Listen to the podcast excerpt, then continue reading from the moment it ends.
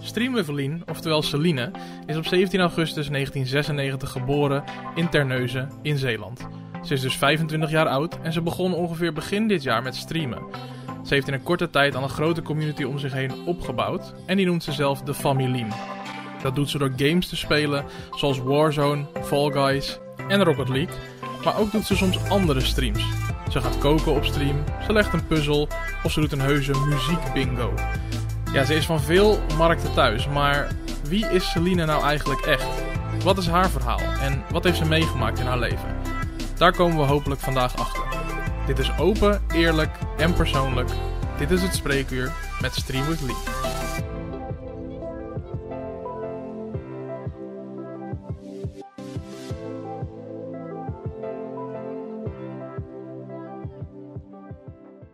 Ondertussen kan ik iedereen gewoon even welkom heten in de chat. Uh, hartstikke leuk uh, dat jullie er zijn.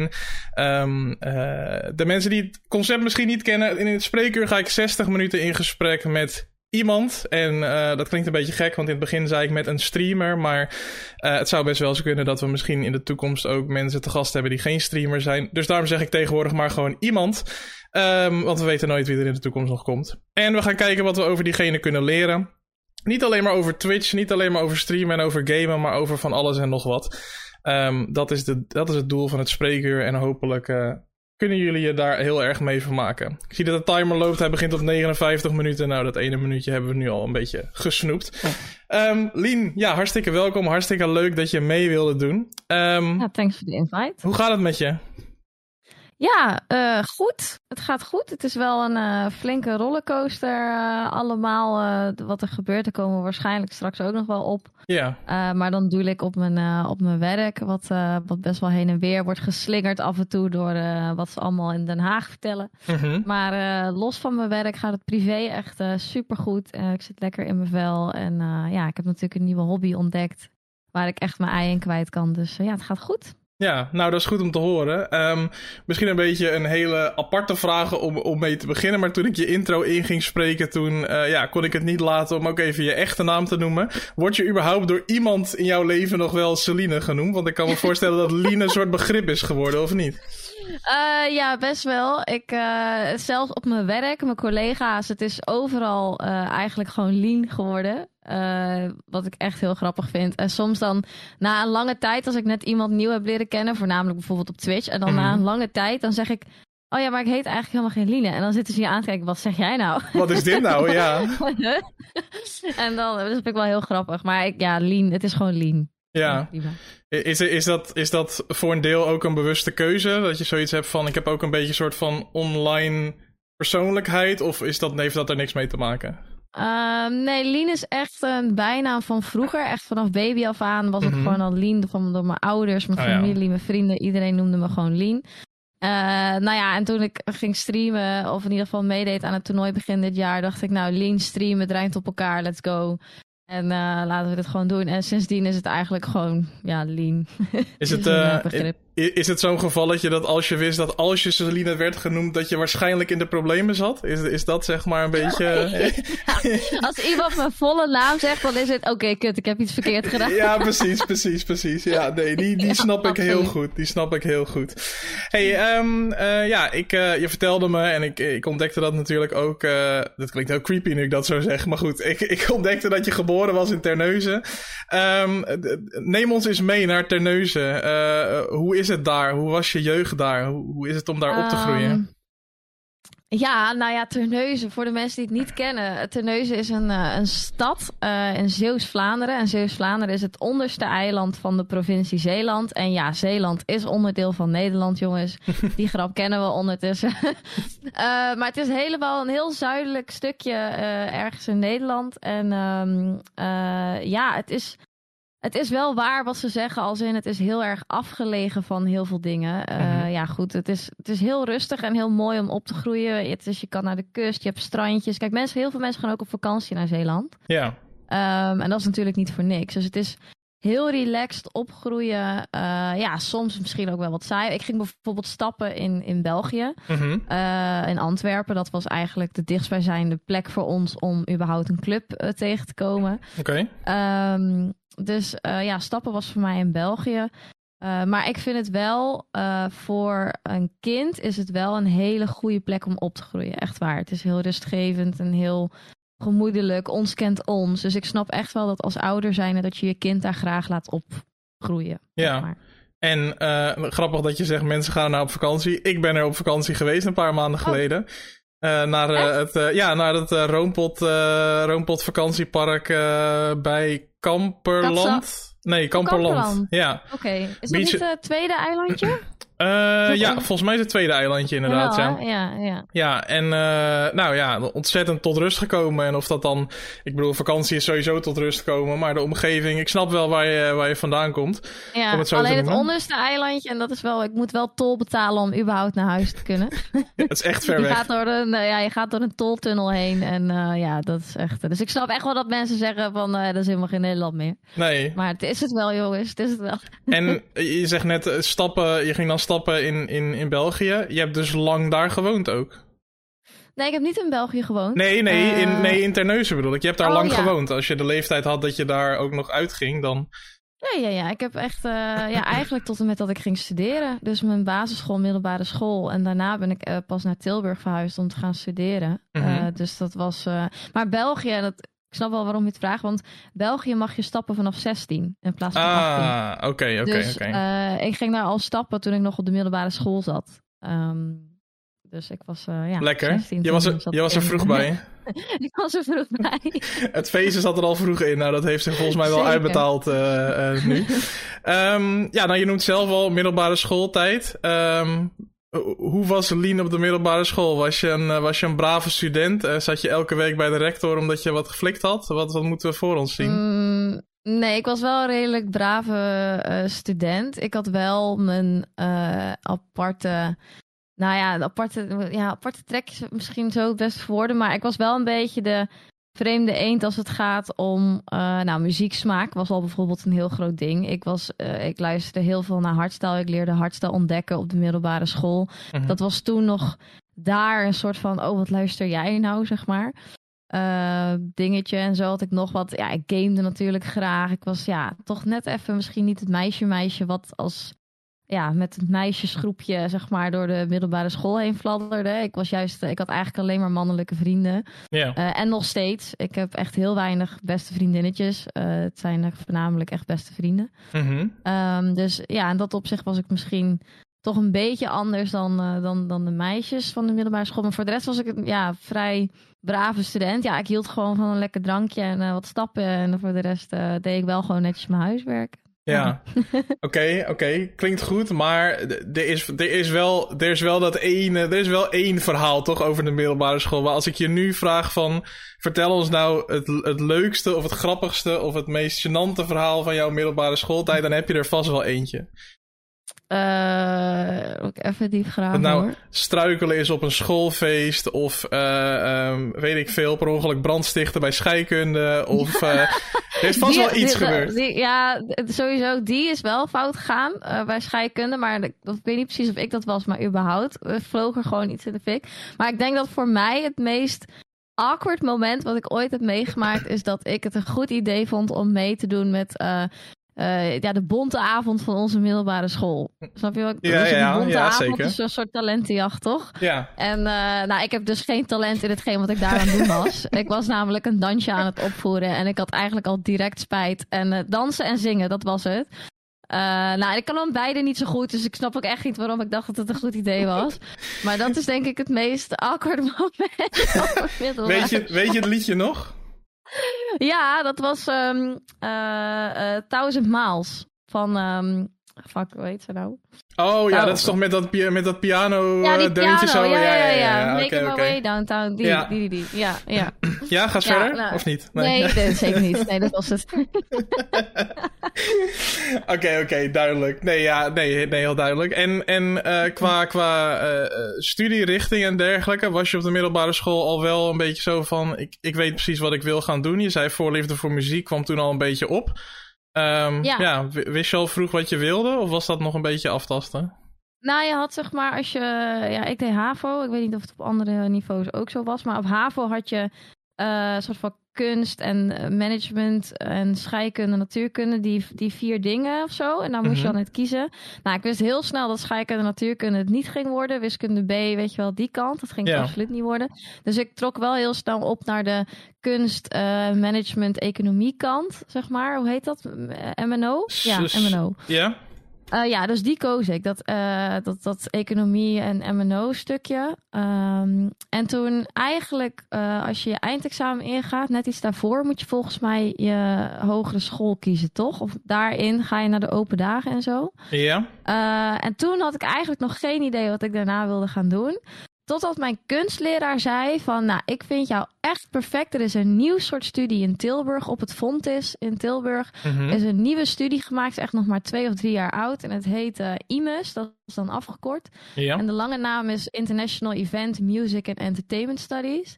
En daarin heb je dan communicatiekant en commerciële economiekant. Nou, heel, heel lange tekst. Mhm. Uh, maar hij zei, ja, die studie is nog maar een paar jaar oud. Ik ben er vorig jaar bezig kijken en ik, ik zie gewoon dat jij, dat die studie is voor jou.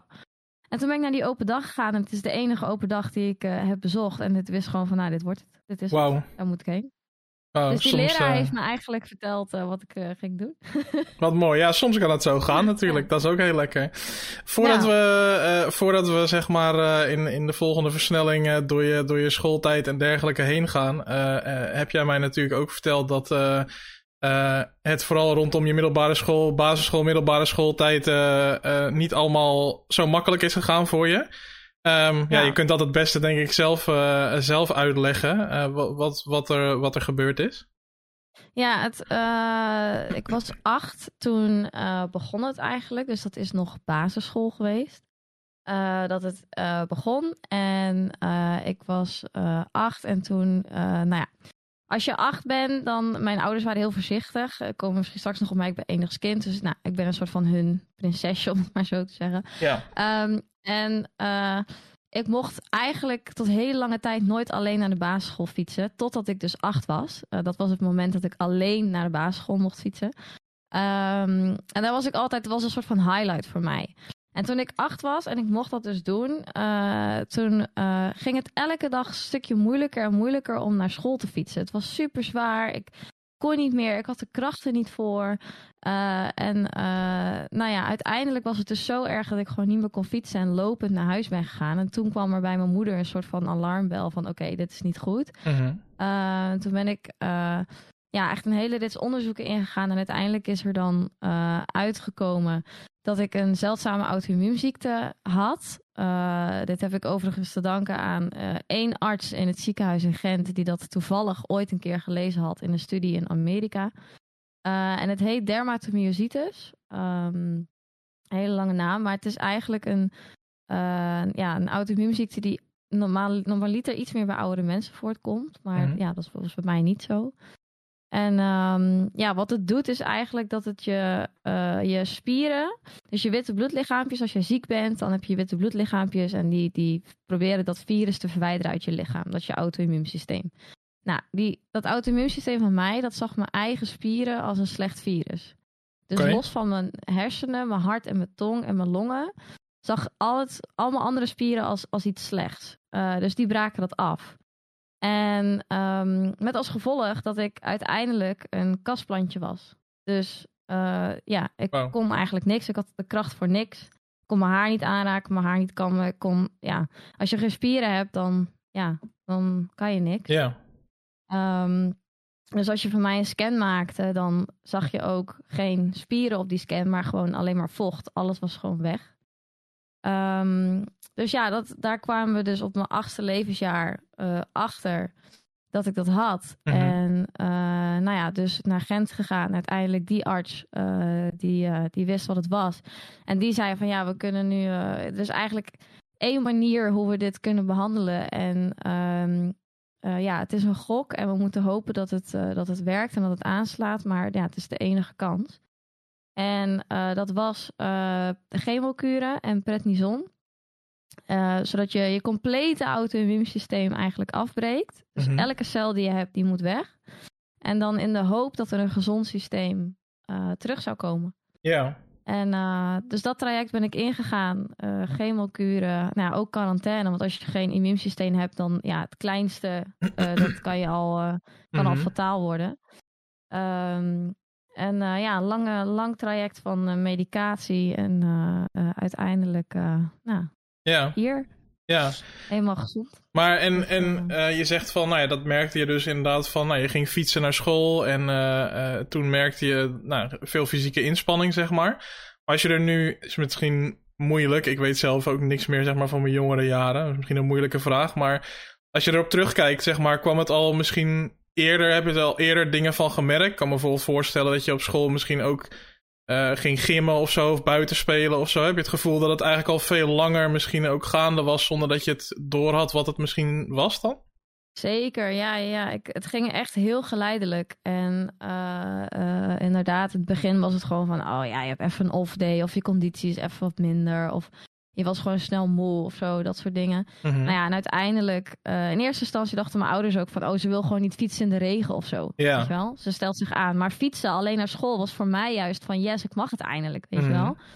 Um, dus het duurde voor mijn ouders ook heel lang voordat ze er een soort van achter kwamen van, oké, er is iets echt hier niet goed. Ja. Uh, en dat moment was eigenlijk dat ik dus lopend met mijn fiets in mijn hand, uh, dat weet ik ook echt als de dag van gisteren, thuis kwam.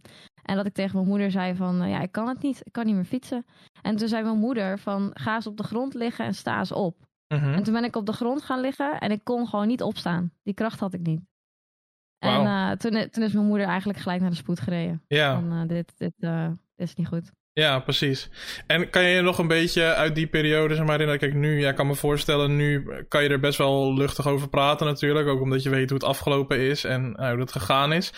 Um, Ja. kan, kan je je nog een klein beetje herinneren hoe, hoe je je op dat moment, uh, ja, hoe voelde jij je, zeg maar? Je bent heel jong, je bent best wel jong natuurlijk, dus je hebt misschien niet helemaal door hoe erg het is of hoe heftig het is, maar je had wel door dat er iets gaande was, neem ik aan. En... Ja, je, je, je bent jong, uh, maar je bent wel precies op de leeftijd dat je begint te snappen wat er gebeurt, Mhm. zeg maar. Dus uh, ik was acht toen ik dat traject inging, maar uiteindelijk pas twaalf toen ik uh, medicijn af was. Ja, Dus je zit zeg maar vier jaar uh, in een soort medisch traject, uh, wat eigenlijk tegelijk een half experiment is. Um, en als je van 8 naar 12, dat is precies de tijd dat je in groep 7, 8 uh, en de brugklas komt. Dus je, bent, je hebt echt precies door wat er gebeurt eigenlijk. Um, maar dat, dat heeft me eigenlijk ook wel getekend voor de persoon uiteindelijk die ik nu ben, denk ik. Uh, omdat je dus juist precies door had hoe en wat. Um, ja, dat, uh, dat een beetje. En, En daardoor, ik herinner me het dus ook heel goed, eigenlijk, van alles.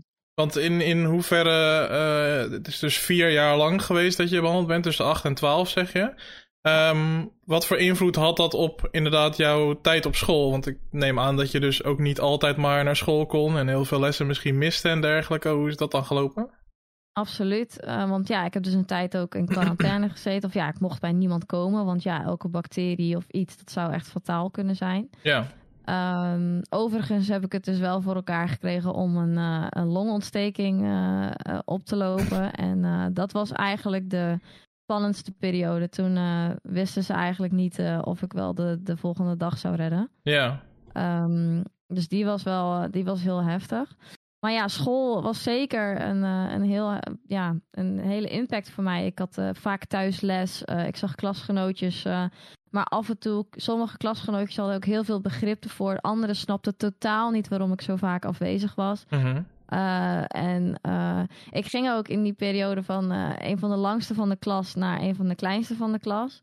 Want door prednison stop je met groeien. Oké. Okay. En uh, pret, door prednison hou je heel veel vocht vast. Ja. Dus je, je blaast eigenlijk helemaal op. Dus mijn wangen, uh, ik heb nu ook nog steeds die appelwangetjes. Maar toen was het echt een soort van ja, kleine ballonnetjes, zeg maar. Mm -hmm. um, ik heb daar ook nog wel een foto van. Die kan ik misschien straks wel even, even zoeken. Mm -hmm. um, maar uh, dus ja, dus heel veel mensen zagen mij in een hele korte periode, of vooral kindjes zagen mij in een korte periode heel erg veranderen. En dat vonden sommigen heel lastig. Ja. Uh, waardoor je natuurlijk ook ge ja, gepest wordt, want je bent toch ineens ja, best wel dikker, zwaar, mm -hmm. Uh, klein in één keer voor je leeftijd. Dus ja, dat, daar, daar snap, sommigen dachten ook dat ik een soort van special treatment kreeg of zo. Want ze moest maar Oh, ja. voor de helft van de tijd naar school, snap je wat ik bedoel? Ja, alsof je het voor de lol Eh, deed of zo. eh, ja, precies. Want ik zat maar voor de helft van de tijd op school. En eh, ja, waar, hoezo, waar is ze dan? Waarom mag zij, hoezo is zij niet naar school? Weet je wel, dat soort dingen. ja. Ehm, maar er waren gelukkig heel veel lieve klasgenootjes die mij altijd gesteund hebben. En die hebben me ook echt eh, door die periode heen geholpen. Dat was echt, eh, ik kan die namen ook zo opnoemen, dat zal ik nooit vergeten. ja. Wie waren het dan? Ja, ik kan Talita, maar ja, Amy, eh, ja, die, dat zijn Crystal. Dat waren wel echt drie eh, meisjes. Die hebben echt eh, altijd ook eh, nog samen gespeeld. Die, zagen no die keken nooit gek naar mij of zo. Dat Mhm. was echt, eh, ja, ik ben hun wel echt dankbaar daarvoor. Ja, spreek je ze nog wel eens? Eh, af en toe we volgen elkaar nog steeds op socials. Uh, Echt? spreken elkaar niet zo heel veel. Ja, zeker. Ja, ja, we spreken elkaar niet, niet vaak of zo. Maar ja, ik volg ze zeker. En eh, ik vind het heel leuk om te zien waar hun pad nu een soort van eh, heen gaat. Ja, precies. En eh, nou, gedurende deze tijd het is natuurlijk eh, eh, een zware periode geweest. Eh, eh, wat was de, ja, de, de rol van jouw ouders, zeg maar, in, in, in deze tijd? Eh, ik, ik neem aan, het is natuurlijk een open deur om te zeggen dat je heel veel steun aan ze hebt gehad. Maar, maar ja, wat herinner je nog daarvan? Waar je, ik neem aan, die ouders zullen ook wel heel erg bang zijn geweest, maar dat misschien dan weer niet aan jou laten blijken of zo. Hoe, ja, hoe heb jij dat ervaren? Wat jouw ouders voor Ja, ik gedaan denk, hebben? dat het, ik denk dat voor mijn ouders was het echt een, eh, een, een hel, eh, die periode. Mhm. Ik ben dus enigskind. Dus dus ik, ja, ik was ook, ja, wat dat betreft, alles wat, wat ze hadden, hebben. Ehm, maar dat ja, was gewoon heel heftig. Mijn vader die werkte eigenlijk eh, echt, echt 60 uur per week. Die was zelden thuis. En mijn moeder die, eh, ja, voor, voornamelijk voor haar ook was het zo ontzettend zwaar. En ik ben mijn vader ook echt dankbaar dat hij zo vaak thuis was om mee te gaan naar het ziekenhuis en dat soort dingen. Maar mijn moeder die bleef eh, eigenlijk als ik in het ziekenhuis lag voor die chemokuren, bleef zij bij mij, zeg maar. Ze bleef gewoon daar Ja. in dat ziekenhuis, altijd. En ehm, ja, ik kan me gewoon niet voorstellen hoe dat voor hun is geweest. Dat, eh, dat, je, dat je dan je kind ziet liggen en ja, je, die zit gewoon opgesloten in haar eigen lichaam. Want dat was het gewoon, weet je. Ik, ik was er met mijn hoofd, mentaal was ik erbij. Ik snapte Ja. alles. Weet je, je wilt ook van alles. Maar je lichaam zegt gewoon nee. En dat is zoiets, dat gun je niemand. Echt niet. Dat je, dat je kop erbij is, maar dat je lichaam gewoon niet meewerkt. Dat is zoiets, eh, ja, dat, dat is onmenselijk eigenlijk. bijna. Ja, ja. Ja. En eh, nou ja, iets heel. Ja, het is heel dubbel. Het is heel mooi, maar natuurlijk ook wel een beetje eh, verdrietig wat je me vertelde. Was dat je ouders zijn nu inmiddels uit elkaar. Eh, zijn toen de tijd uiteindelijk uit elkaar gegaan. Maar ze zijn bij elkaar gebleven om in ieder geval die periode zeg maar met jou nog door te brengen, vertelde je. Ja, klopt. Ja, ik, eh, mijn ouders die zijn eigenlijk op het moment dat ik eh, van de medicatie afging, dus 12 eh, was, werd het eigenlijk al snel duidelijk dat, dat het eigenlijk gewoon niet zo'n goed idee was dat ze bij elkaar zouden blijven. Ze zijn echt bij elkaar gebleven door voor mij, maar ook voor elkaar, denk Ja. ik toch. Om, om elkaar toch door die periode heen te helpen. Ehm, maar goed, toen het steeds beter en beter met me ging en ik ging de fysio-periode in, zeg maar, eh, werd het al snel duidelijk dat het, eh, dat het beter was om uit elkaar te gaan. En, eh, maar ze zijn echt, en daar ben ik ze ook heel, ze zijn eigenlijk nog beste vrienden. Er is nooit ruzie geweest tussen ze. Het is gewoon, ze zijn echt heel goed uit elkaar gegaan. En dat Mhm. was, was ja, voor iedereen natuurlijk een win. Dat het gewoon op die manier kon om uit elkaar te gaan. Ja, En eh, dus, dus het was eigenlijk gewoon beter uiteindelijk voor iedereen dat ze gewoon uit elkaar gingen. Maar ze zijn, ja, wat ik zeg, we zitten in groepsapps, we bellen nog, videobellen met z'n drieën. Is, ze zijn echt super goede vrienden wat dat betreft. Oké, fijn om te horen. En eh, dit was nog wel rond een leeftijd dat jij natuurlijk nog gewoon thuis woonde. Dus er moest een soort van keuze gemaakt worden, zoals altijd bij ouders die gaan scheiden.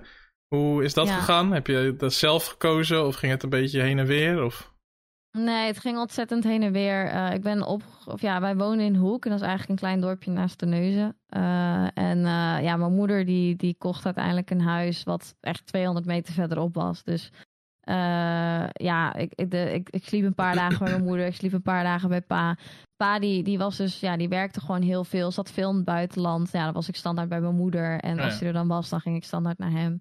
Eh, maar dan ging mijn moeder net zo goed een drankje doen, weet je wel, bij pa. Want dan Ja. ja. was die even in het buitenland geweest en dan ja, ging gingen we gewoon even bijkletsen.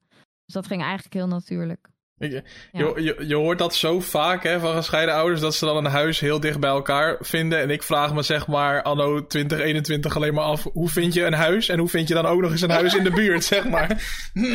ja, nou ja, we hebben het nu wel over Hoek. En uh, er heeft ook ooit een artikel in het AD gestaan dat Hoek de goedkoopste plek is van heel Nederland om een huis te kopen. Ah. Um, dus dat scheelt misschien. Maar ik heb wel dezelfde vragen, moet ik eerlijk zeggen. Ja, precies. Hè? Ja. ja, ik hoor het zo vaak. Ja, nee, mijn ouders wonen heel dicht bij elkaar. Hoe dan? Hoe is er precies een huis vrijgekomen, ook in de buurt? Ja, ja mooi. Nee, goed. Um, nou ja, ja je, je, je, nam net al een beetje een voorschot op uh, uh, de periode dat je uiteindelijk ging studeren. Ik denk dat het uh, leuk is om daar even over te hebben, want dat is groot onderdeel van ook wie je nu bent, denk ik, en wat je nu doet.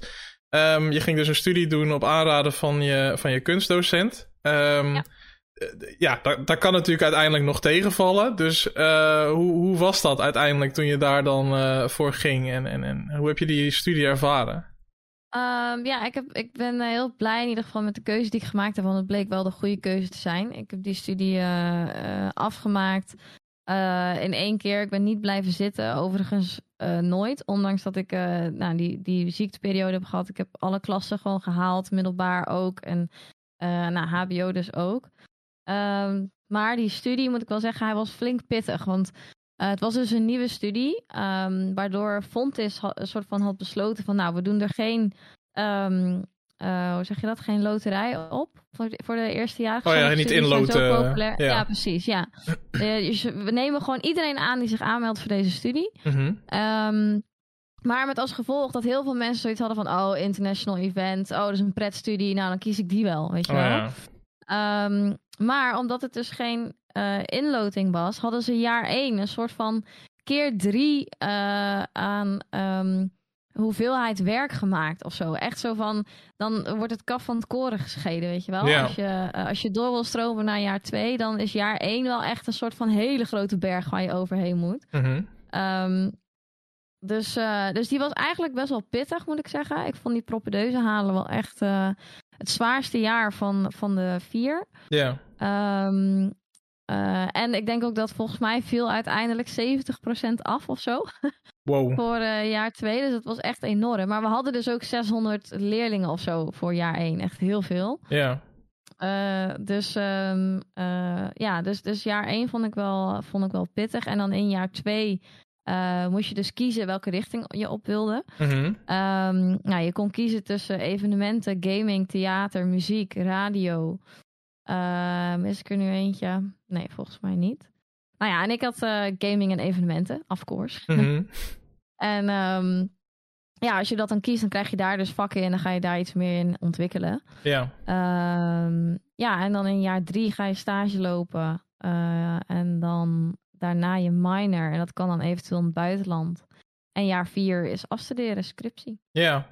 En uh, gedurende die periode uh, leefde Lien van, uh, van studiefinanciering en lening? Of had je nog een bijbaantje? of, nee, ik had, ik had ja, studiefinanciering en een bijbaantje. Ik werkte bij de service desk van de Jumbo. overigens vond ik dat echt geniaal om daar te staan. het was Jumbo Broekhoven en heerlijke figuren komen daar langs als je in de avonduurtjes werkt. Echt fantastisch. Um, dus ik uh, heb echt genoten om daar uh, de pakjes sigaretten over de toonbank te smijten en de, de krasloten uh, te, aan mensen te geven. Dat vond ik echt heel leuk.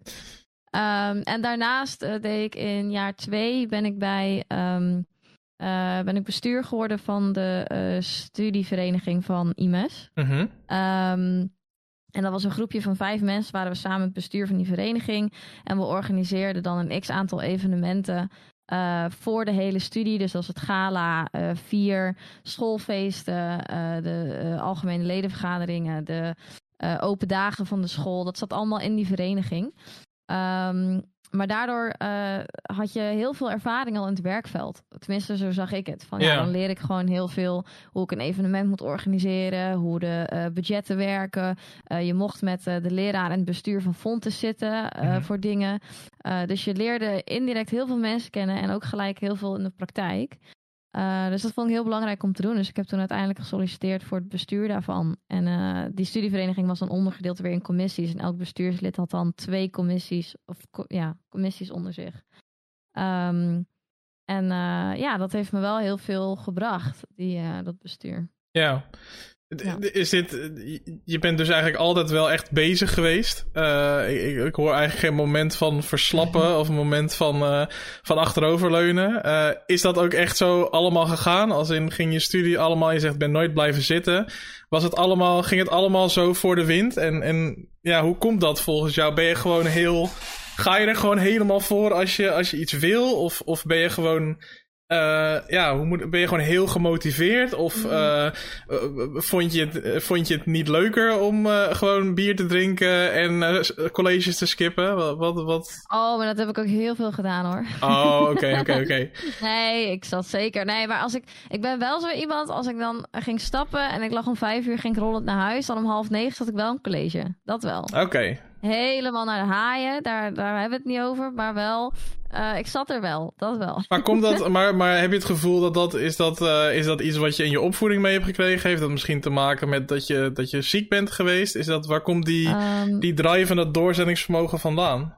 Ja, ik denk het wel. Ik denk dat uh, als, je, als je zo ziek bent, en zeker in de periode dat je dus nou, eenmaal kind bent en je tienerjaren gaat, dan uh, en je bent zo ziek, dan, dan word je wel een soort van uh, even met je neus op de feiten gedrukt van oké, het kan echt zomaar voorbij zijn. Mm -hmm. En ik denk dat ik daar heel erg uh, snel een wat oudere ziel door heb gekregen. Ik ben best wel volwassen geworden, heel snel voor mijn leeftijd. Dat zeiden mensen ook altijd van jeetje, wat ben jij volwassen voor je leeftijd. Ja. Um, maar dat heeft me wel een soort van doen realiseren van oké, okay, uh, als ik ergens voor ga, dan ga ik ervoor. Want het, het kan zomaar als laatste zijn. Ik wil gewoon dat doorzettingsvermogen en dat, ja, dat, dat zit er gewoon in. Uh, ik, ik, ja, dat, dat, dat is een beetje, uh, ja, het zit er gewoon in. Weet niet. Ja, heeft een beetje ja. je, je, je overlevingsdrang ook wel een beetje aangewakkerd, die periode, denk ik. En je ja, absoluut, doorzettingsvermogen. Ja. Ja. Oké. Okay. Ja, en, en, ook, en ook denk ik ook van ja, dat je realiseert van oké, okay, op dat moment had ik gewoon maar één missie en dat was overleven. Ja. En uh, als je dan eenmaal daardoor heen komt, dan besef je van jeetje, als je iets wil en als je er 100% van gaat, dan, dan lukt het misschien, weet je wel. Dat is ook gelukt. Ik ben genezen verklaard uiteindelijk. En, uh, maar terwijl heel veel mensen zeiden dat dat, dat is zo zeldzaam, dat gebeurt niet. Mm -hmm. um, toch is het gebeurd. En misschien is het daar ergens een soort van dingetje in mijn hoofd van ja, als je het wil, dan moet je ervoor gaan en 100% voor gaan en dan lukt het gewoon. Ja. Ja. Oké. Okay.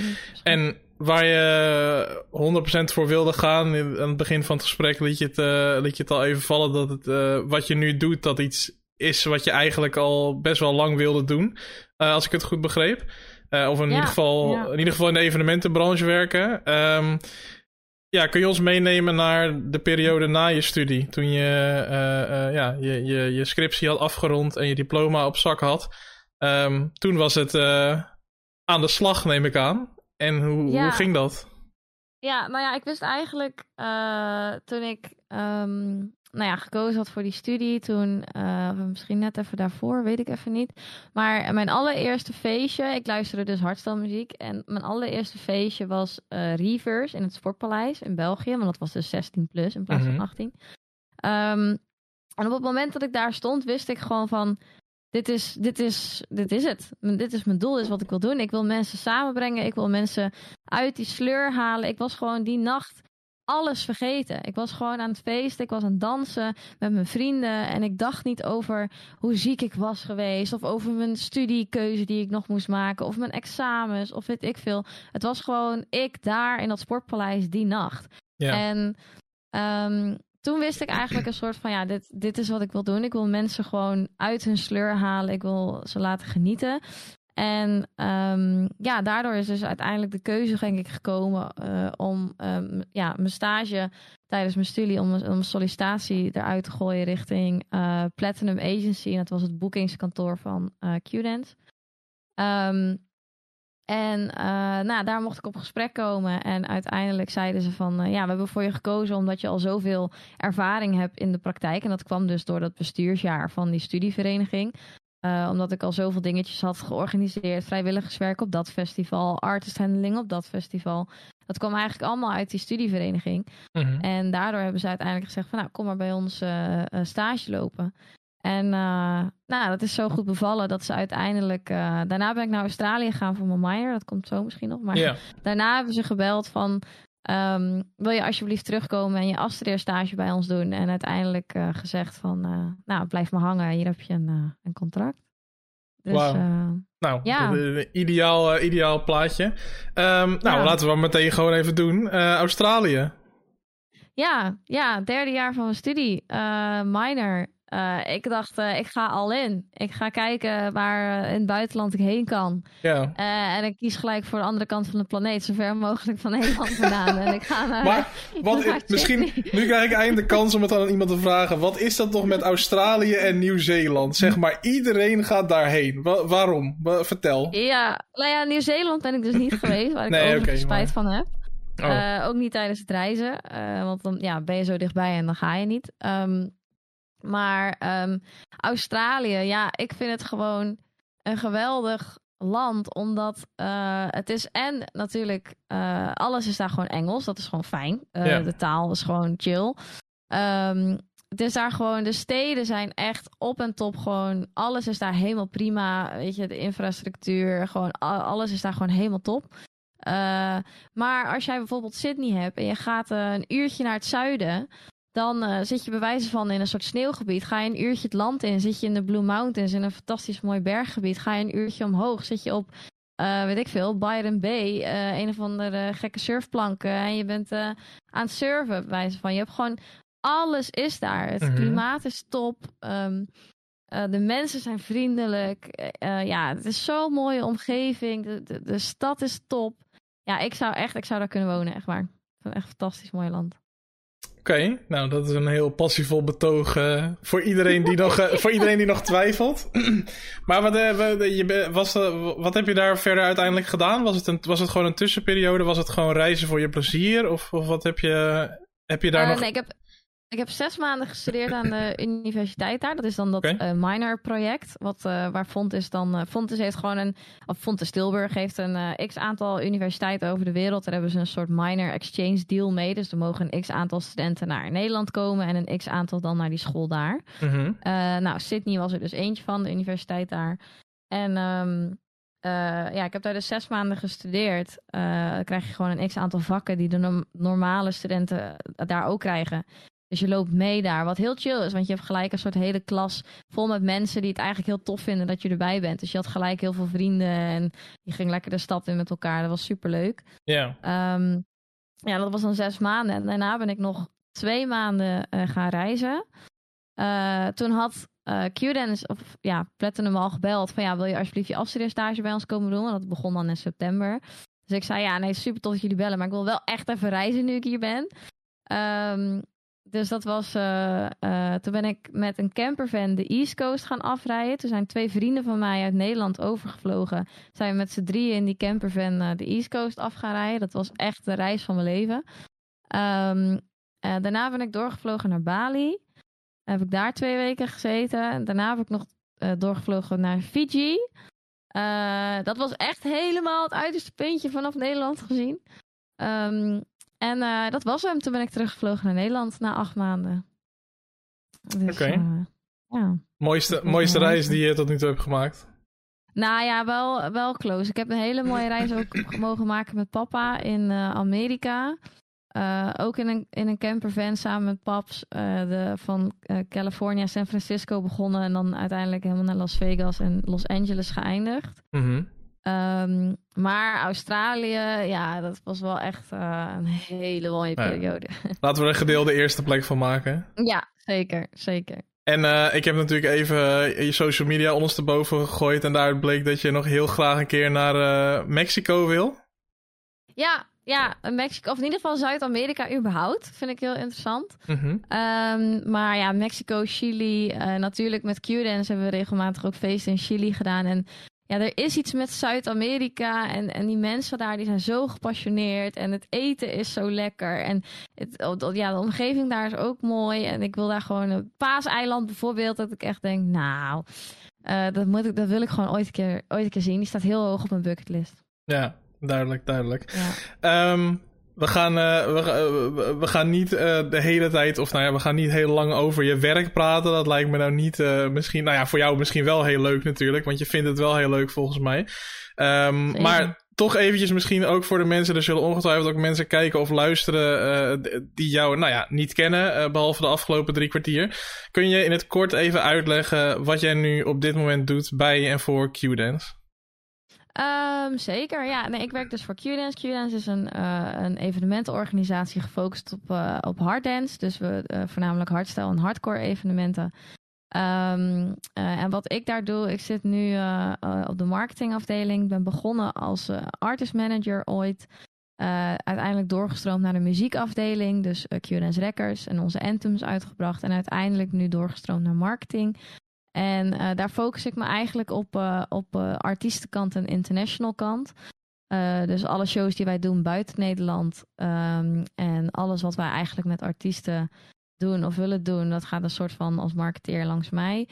Um, maar vanwege COVID zijn we best wel klein geworden als team. En is het nu eigenlijk gewoon één team, één taak. En ja. kijken we gewoon van oké, okay, dit zijn de projecten die we nu hebben. let's go, wat moet er gebeuren? Dus ja. uh, marketing Q-dance. heel breed. Ja, want we ontkomen er natuurlijk niet aan als we dit bespreken. Uh, het moet een ja. ongelooflijke klote periode zijn voor jou, voor Q-dance, maar ook voor jou als persoon en, en in je werk. Uh, hoe hoe ja. handle je dat? Niet? niet? Nee, ja. nee, eigenlijk helemaal nee, niet. nee, ja, je moet... je hebt geen keus. Ja. Uh, het is gewoon letterlijk surviven. Kijken hoe je het op de meest creatieve manier weet te doorstaan. En ik denk dat we dat met Q-Dance best goed hebben gedaan de afgelopen twee jaar. Of anderhalf jaar dat nu COVID mm -hmm. is. we hebben hele mooie livestream ervaringen weten te maken. Um, ja, binnen de, de tijd en de budgetten die we hadden. Um, en, uh, maar ja, het is net, kijk, net als af, afgelopen vrijdag. We hebben een half jaar gewerkt aan Climax. En Climax is ons grootste indoor evenement wat we doen in het Gelderdoom. Ja. Eén uh, keer per jaar. Nou, daar werk je dan een half jaar naartoe. Uh, en het zou aankomende zaterdag plaatsvinden. En afgelopen vrijdag horen we door Rutte en Co. dat, dat ja, we mogen stoppen met de opbouw, want het gaat niet door. Ja. Ja, en dat zijn dingen daar. Daar kan je je niet of ja, dat kan je niet op voorbereiden. Je wist het bijvoorbeeld eigenlijk donderdag voelde je het al door alles wat een soort van gelekt was in de media mm. en dat soort dingen. En toch, als je dan vrijdagavond om zeven uur die persco luistert, ja, ja. er gebeurt iets. Je gaat gewoon, het breekt gewoon een stukje af. En uh, dat is gewoon iets, daar kan je je niet op voorbereiden. Dat, dat, is, dat is echt onmogelijk. Ja, zijn ongetwijfeld dus, wat. Uh wat krachttermen door de Kamer gegaan, uh, denk ja, ik, na de persconferentie. er zijn redelijk wat, wat vloekwoordjes de lucht in gegaan, ja. Maar ja, het, ja, kijk, het mooie aan Q-Dance vind ik dus dat we, we hebben dus gelijk een soort van, ja, alles een beetje weggedronken. En we zijn de volgende dag is het team aan de slag gegaan met uh, een complete uh, livestream ervaring te creëren. Wat we alsnog aankomende zaterdag de lucht in gaan slingeren. Mm -hmm. uh, en dat zijn we dus deze week aan het fixen. Dus in een week tijd van, van kutnieuws naar concept, naar productie fixen, show fixen, licht, programmering, alles. Tot aankomende zaterdag een livestream ervaring. En dat vind ik dus zo mooi aan het team ja, we hebben gewoon enorme tegenslagen, maar we proberen uiteindelijk wel voor de fan toch iets te geven of zo. Ja. En um, ja, dat is af en toe, het is, het is echt een rollercoaster. Je gaat echt, je wordt van links naar rechts geslingerd.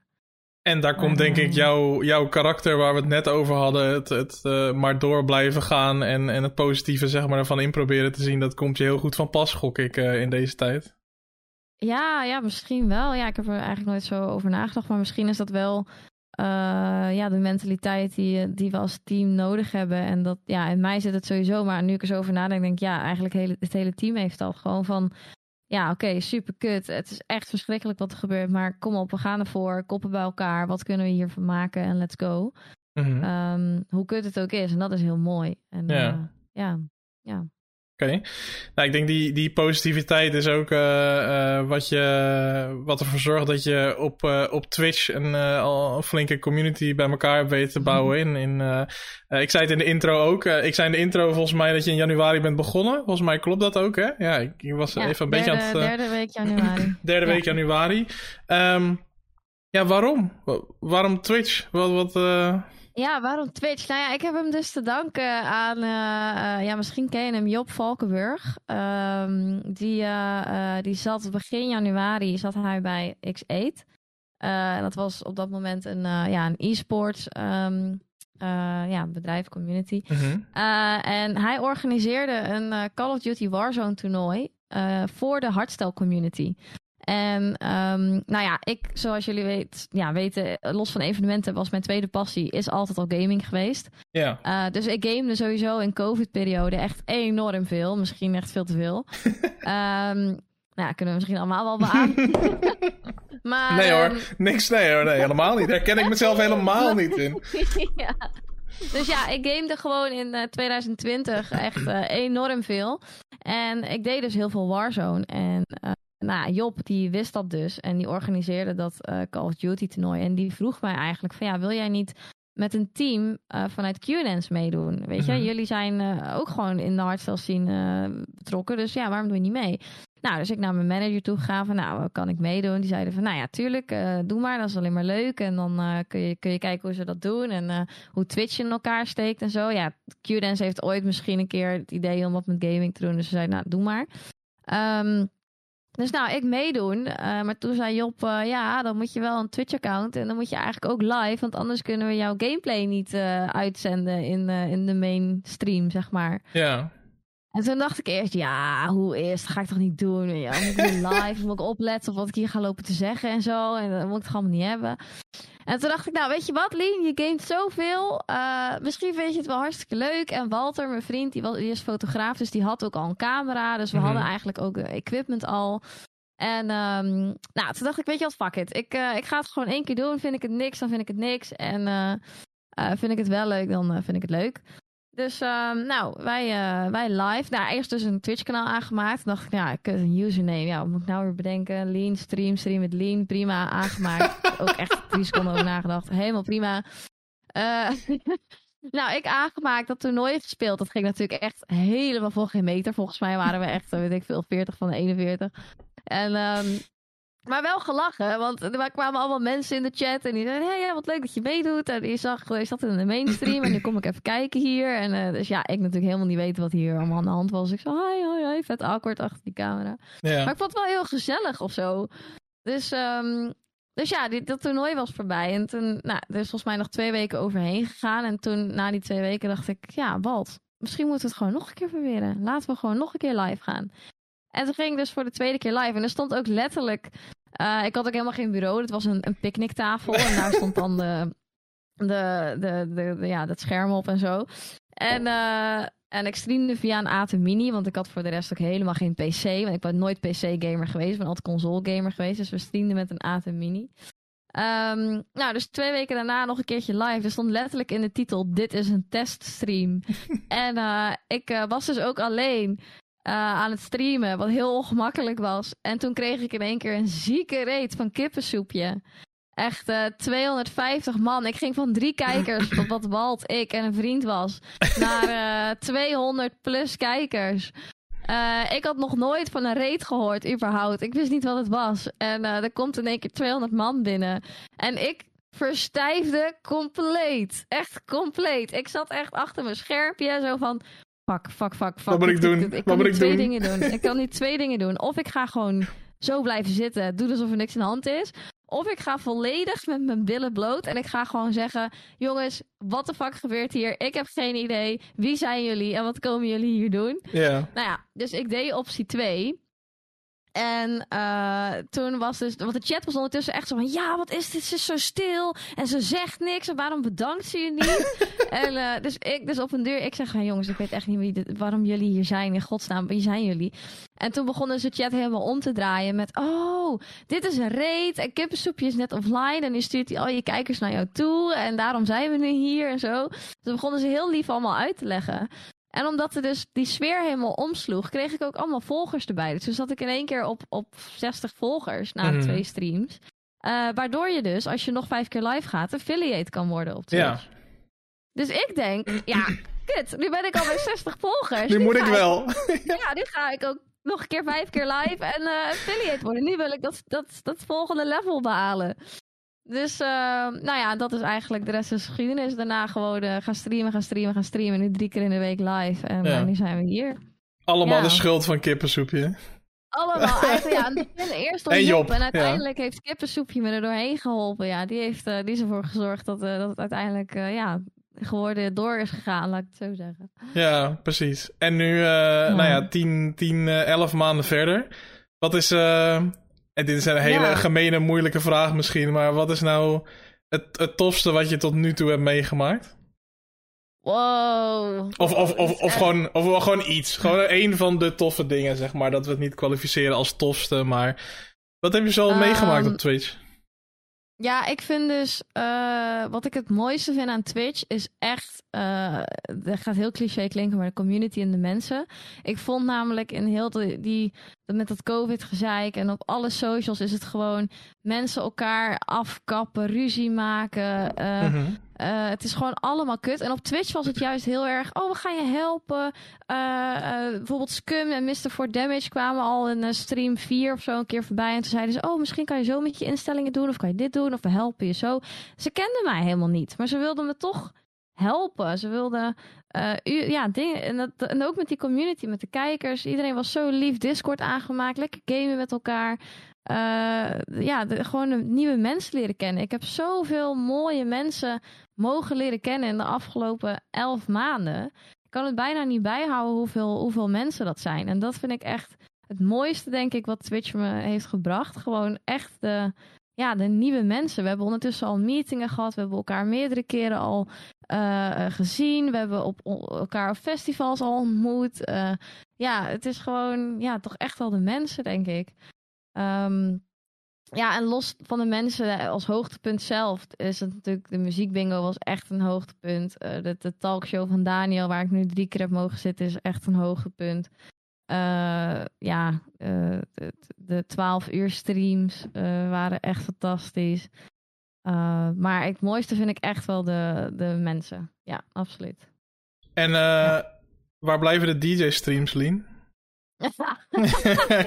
ja, kijk, met acht minuten op de klok kan ik het niet laten. Ik bedoel, ik heb deze vraag een paar keer in mijn, in mijn DM gekregen of via Insta. Ja, wat is nou het Oh. verhaal met de DJ-streams?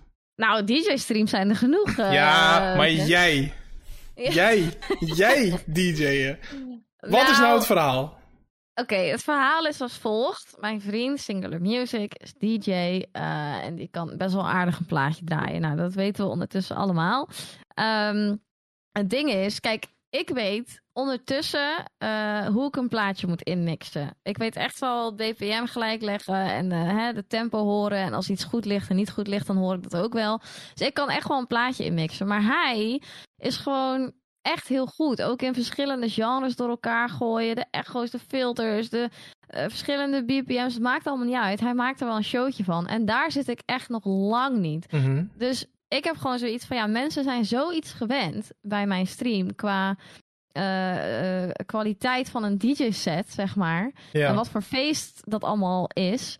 En dan ga ik daar een soort van een uur lang plaatje in, plaatje uit, heel saai, een soort van oh, volgende plaat aan eh, doen, zeg maar. Terwijl hij maakt er echt een soort van mixfestijn van. Mhm. Eh, waardoor ik eigenlijk letterlijk, ja, mijn punt is eigenlijk, ben gewoon te onzeker. Dat is het gewoon. Lang verhaal kort. ja, want. Ja, mand. Maar hoe, ja, en dit is natuurlijk dit is een, een hele simpele vervolgvraag, maar hoe kan dat nou met alle dingen die je hebt meegemaakt, reizen die je hebt gemaakt, studies die je hebt gedaan, je werkt voor Q-Dance, je doet allemaal hele grote dingen. En dan, je hebt ook al best wel 10, 11 maanden een, een stream community opgebouwd met mensen die jou tof vinden. Hoe kan het dan toch dat je toch dan net dat laatste stapje, zeg maar, dan toch niet, niet durft, zeg maar. Want hoe, hoe kan dat?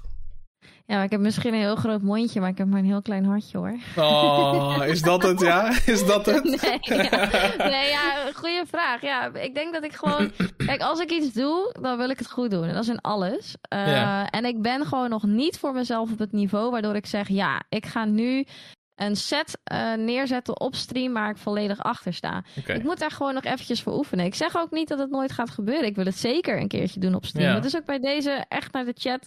Ik wil het echt heel graag doen. Dat is Ja. het niet. Maar ik ben gewoon nog niet voor mezelf op het niveau waardoor ik zeg: Oh, hier sta ik achter. Om, om dat dan ja, te doen of zo. Maar, maar dit is al een groot verschil, toch? Tussen zeg maar onzeker zijn om het te doen of het gewoon heel erg goed willen doen. Je bent gewoon heel perfectionistisch daarin. Je, je zegt al, ik wil het Ja. alleen doen als ik het goed kan. Ja, ja, er komt misschien toch een stukje onzekerheid bij kijken. Want Walt zegt gewoon van ja, je doet het al goed en je kan mixen en eh, de plaat Ja. ligt er goed op en het is helemaal prima. Eh, maar dan toch, ja, toch misschien een stukje onzekerheid dat ik zeg van nee, ik, eh, Ja. ik moet toch nog even oefenen. Oké, meer oefenen dus. Ja. Ehm, Zijn naam is nu al een paar keer voorbij gekomen. We hebben nog vijf minuten op de klok. We kunnen natuurlijk niet een uur met jou praten zonder eh, eh, over je vriend te praten. Ehm, Mhm. Kun je ons misschien eh, even heel cliché even vertellen... nou, hoe, hoe lang zijn jullie al samen überhaupt eigenlijk? Want dat weet ik eigenlijk helemaal niet. Oeh, even nadenken. Ik denk vier jaar nu. Vier jaar. Goed? Oh, oh, kut. Misschien slaap ik op de bank vanavond. Drie Oh, jaar. Nee, ik weet het niet. Vier Oh, jaar? Ik weet het niet. Oh jee. Oké, snel, snel door, snel door, snel door. Dan heeft niemand het door. Ehm, goed, dus eh, je hond, Baco. Ehm, eh, vakantie in eh, Mexico. Je, lievelingsseizoen, je lievelingsseizoen is de zomer. Houdt niet van koken. Je bent enigskind. Je wil piano leren spelen. Nee. Ehm, ik hoop zo dat Walt Ja. niet aan het kijken is. Maar goed. Ehm, Oh, ik ben bang Ja, ik wel denk voor het jou. wel. Ja, ik denk het ook. Nee, maar ehm, Hmm. ja, wat, hoe... Vertel ons even, lekker om mee af te sluiten, lekker sappig. Hoe, wat, waar, wanneer, Walt en jij. Hoe, wat, waar, wanneer. Ja, het grappige is dus dat ik heb hem een soort van versierd in plaats van andersom. Oké. Eh, als in, hij was, eh, hij was eigenlijk gewoon een beetje te naïef. Hij had het gewoon niet door. En eh, ja, dat, eh, hij was ondertussen hij was aan het draaien. Dat was het ook nog eens. Eh, ik, ken, ik ken Walt. Ja, ik ken Future Noise. Dus Future Noise is een hardstyle artiest. En ik en Future Noise zijn best wel goede vrienden. Ehm, en Walt is zijn tourmanager. En toen ik op Rebirth was of zo, een bepaald festival. toen leerde ik hem eigenlijk pas goed kennen. Omdat hij gewoon mee was met Marco, met die artiest. En toen dacht ik, nou, dit is wel interessant, wel leuk. En toen, de keer daarna, was ik eigenlijk eh, samen met een vriendinnetje naar Marco. Die, moest, die was op een eh, koningsavond. Koningsavond was het geloof ik. Ergens in Huttekutteveen. Een of ander scheiddorp. Eh, stonden, stonden ze daar in een soort tent. En hij was ook, hij moest ook draaien. En toen dacht ik, nou, dit is eigenlijk wel heel interessant, heel leuk. En ja, toen, toen is het een beetje gaan lopen. Toen heb ik hem volgens mij versierd. En uiteindelijk eh, eh, zijn, is hij, zijn we met z'n vieren, dus weer datzelfde vriendinnetje en hun twee, zijn we naar Keulen gegaan, naar Bootshaus. Dat is een club daar. Eh, en Marco die moest daar draaien. En toen zijn we na zijn set zijn we gewoon een beetje gaan feesten. En dat was eigenlijk het moment dat ik zoiets had van... Ja, hallo, hoe is het? Hoe lang moet ik hier nou nog op zitten wachten? Maak eens even de move. En toen, volgens mij, had hij het uiteindelijk door. En toen hebben we samen een soort van halve move gemaakt. Dat was het een beetje, geloof ik.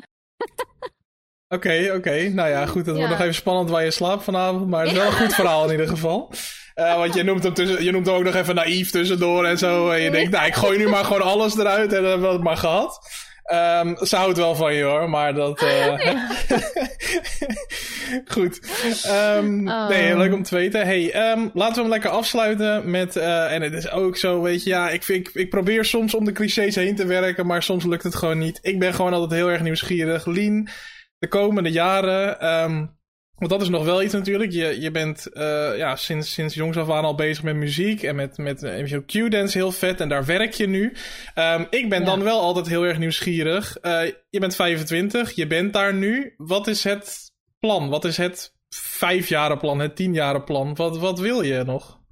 Ehm, ja, die vraag die vind ik altijd ontzettend moeilijk. Eh, die krijg je ook wel eens op zo'n eindejaarsgesprek en zo. En dan, ja, dan probeer je er altijd een mooi verhaaltje van te maken. Maar het ding is een beetje, als ik vorig jaar als ik vorig jaar had, iets had gezegd, dan was het nu ook niet zo geweest. Als je, voor, als je mij vorig jaar had gezegd van ja, jij bent over tien maanden ben jij een Twitch streamer, Mhm. dan had ik je echt, dan had ik echt naar je gekeken. Wat zeg jij nou? Ja. Weet je wel? Hoezo denk jij dat ik over een jaar ineens op Twitch stream, drie keer in de week? Ja. Dat- Dus wat dat betreft heb ik echt zoiets van ja, eh, het kan elke, elke keer, ja, je kan wel een plan maken, maar het kan zomaar anders worden. Mhm. Natuurlijk heb je wel een soort van, ja, een soort van doeltjes of zo. Ja. Maar ik heb ook wel zoiets van go with the flow. En als ik dan op dat moment iets tofs vind, dan bijvoorbeeld Twitch dus begin dit jaar, dan, dan bijt ik me daar voor de volle 100% in vast, ga ik ervoor. En dan kijken we waar, waar daar, wat, ja, wat, wat, daar wat daarheen gaat of zo. Mhm. Ehm, maar ja, ik denk dat ik binnen Qden zou ik heel graag willen doorstromen eh, richting eh, ja, projectmanagement, dan wel niet manager-achtige rol op lange termijn. Ehm, ik zou heel graag, eh, dat, daar ben ik nu, dat, ja, voor COVID zou ik daar ook gaan zitten, de international afdeling. Dus echt de wereld rondgaan met mijn passie. En dat is dus Q-dance, hardstelde muziek. Mhm. Ehm, ja, dat is iets wat ik altijd al echt gewild heb binnen Q. Dus meegaan met de international shows en dat soort dingen. Nou, dat, dat zou dus voor COVID gebeuren. Ik ben één show meegegaan en toen klapt alles eruit. Dus dat was echt een soort van, oké, Auw, ja. even wachten nog dan. Ja. maar eh, dus ja, dus binnen Q is dat een beetje, eh, ja, eerst international, daarna doorstromen richting ja, managementniveau. Hopelijk, als het ooit mag lukken. Ja. En eh, ja, en ik ben dus heel benieuwd waar dit hele Twitch-avontuur heen gaat en uiteindelijk naartoe stroomt. Want ja, als we zien eh, wat voor community we al hebben in 10 maanden, daar ben ik echt onwijs trots op. En daar geniet ik elke dag van. En dat is echt geen cliché, dat is echt zo. Eh, en ik moet ook echt zeggen dat Twitch heeft me echt eh, in de afgelopen eh, 10 maanden met COVID heeft echt doorheen ge- geholpen. Eh, zoveel afleiding, zoveel mooie momenten, los van al het gezeik, wat af en toe wel echt. ja, ik vind, het, ik vind het COVID, ik vind het echt moeilijk. Gewoon COVID, de periode, wat het met de samenleving doet, vind ik heel lastig. Ja. Ehm, en Twitch heeft me daar wel echt, eh, echt heel veel hoogtepunten in die periode toch weten te bieden. Dus ik, ik ben daar heel dankbaar voor. En ik hoop eh, dat dat eh, ja, ergens nog groter en mooier en gezelliger mag worden de komende jaren tijd. Ja, nee, begrijp ik heel goed. Nou, dat lijkt me een hele mooie, hele mooie afsluiting. Ehm, eh, voor de mensen die dit nu terug aan het luisteren zijn op Spotify is het niet relevant, maar we zijn het ook live aan het streamen op Twitch. En er is nu net een reclameblok bezig waar ik geen invloed op heb. Dus eh wachten nog heel even met het afsluiten van de, eh, van de podcast, zodat iedereen er ook weer mee kan maken. Ehm ja, nee, ja, goed. De tijd zit erop. De teller staat op nul. Ik denk dat we het heel netjes gedaan hebben. En dat eh, ehm, mensen krijgen ook de reclame met jou erin. Dat is dan wel weer mooi. Oh, dat, is dan, dat is dan wel weer Oh, mooi. nee. Ja, ja. Oh. Goed. Als het goed is, is iedereen op Twitch nu ook weer terug. Ehm, eh, ja, excuses. Ik heb geen invloed op die reclames. Eh, daar kan ik helaas niet zoveel aan doen. Ehm, maar het laatste stukje, als je het gemist hebt, kun je uiteraard eh, terugkijken. Dit is een mooi bruggetje om te vertellen dat deze podcast ook op Spotify komt te staan. En straks ook op YouTube. Geef me 24 uur de tijd en hij staat overal op. Daar kan je ook andere afleveringen terugluisteren. Onder andere met Daniel Lippens en Rick Broers. Als je daar interesse in hebt, check dan zeker even eh eh uitroepteken Spotify in de chat. Of eh, check mijn YouTube kanaal. Ehm Lien, heel erg bedankt. Ik vond het hartstikke leuk dat je er was. Ja, dankjewel voor de uitnodiging nogmaals. Ja, geen probleem. En ik, ik zeg het tot nu toe elke aflevering weer. Maar ja, we hadden er ook twee uur of drie uur van kunnen maken. En dan hadden we veel langer over sommige dingen door kunnen gaan. Ehm, ik betrap mezelf er ook op dat ik je soms onderbreek. Of dat we naar een ander onderwerp gaan. Terwijl ik denk, ah, ik had misschien nog wel wat langer door willen gaan. Maar ja, anders zijn we zo drie kwartier misschien wel over je werk aan het praten. En dan blijft er zo weinig tijd Ja. over voor andere dingen. Dus ehm, ja, nou ja, goed. Maar we zien en we spreken elkaar nog wel genoeg. En eh, dan eh, hoor ik vast nog wel eh, van alles en nog wat. Ehm, Zeker. Ik wil iedereen die hier was, live, in ieder geval heel erg bedanken voor het kijken. Ehm, als je deze eh, podcast terugluistert of terugkijkt, eh, hartstikke bedankt. Bij deze sluiten we hem in ieder geval even af voor de opname. We gaan nog heel eventjes door live op Twitch. Ehm, ja, wil je dat laatste stukje nou de volgende keer niet missen, dan moet je erbij zijn op de woensdagavond om eh 8 uur. En de volgende uitzending, normaal gesproken zou die pas over twee weken zijn. Maar ehm, verrassing, dit keer niet. Want volgende week hebben we eh, het spreekuur met Mattia. Zij kon namelijk de vorige keer niet toen ze ingepland was door eh, omstandigheden. Maar gelukkig kan ze nu wel. Dus ik heb haar volgende week te gast.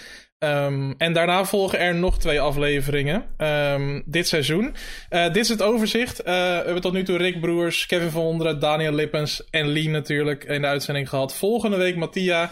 En daarna nog twee uh, Twitch-streamers die ik zo goed mogelijk onherkenbaar heb geprobeerd te maken. Maar die op social media al lang geraden zijn. Dus als je die ook wil meemaken, dan moet je daar zeker komen kijken. Um, voor nu Twitch-kijkers, uh, nee, dat zeg ik verkeerd. Spotify-luisteraars, bedankt voor het luisteren. En uh, tot de volgende keer bij Het Spreekuur.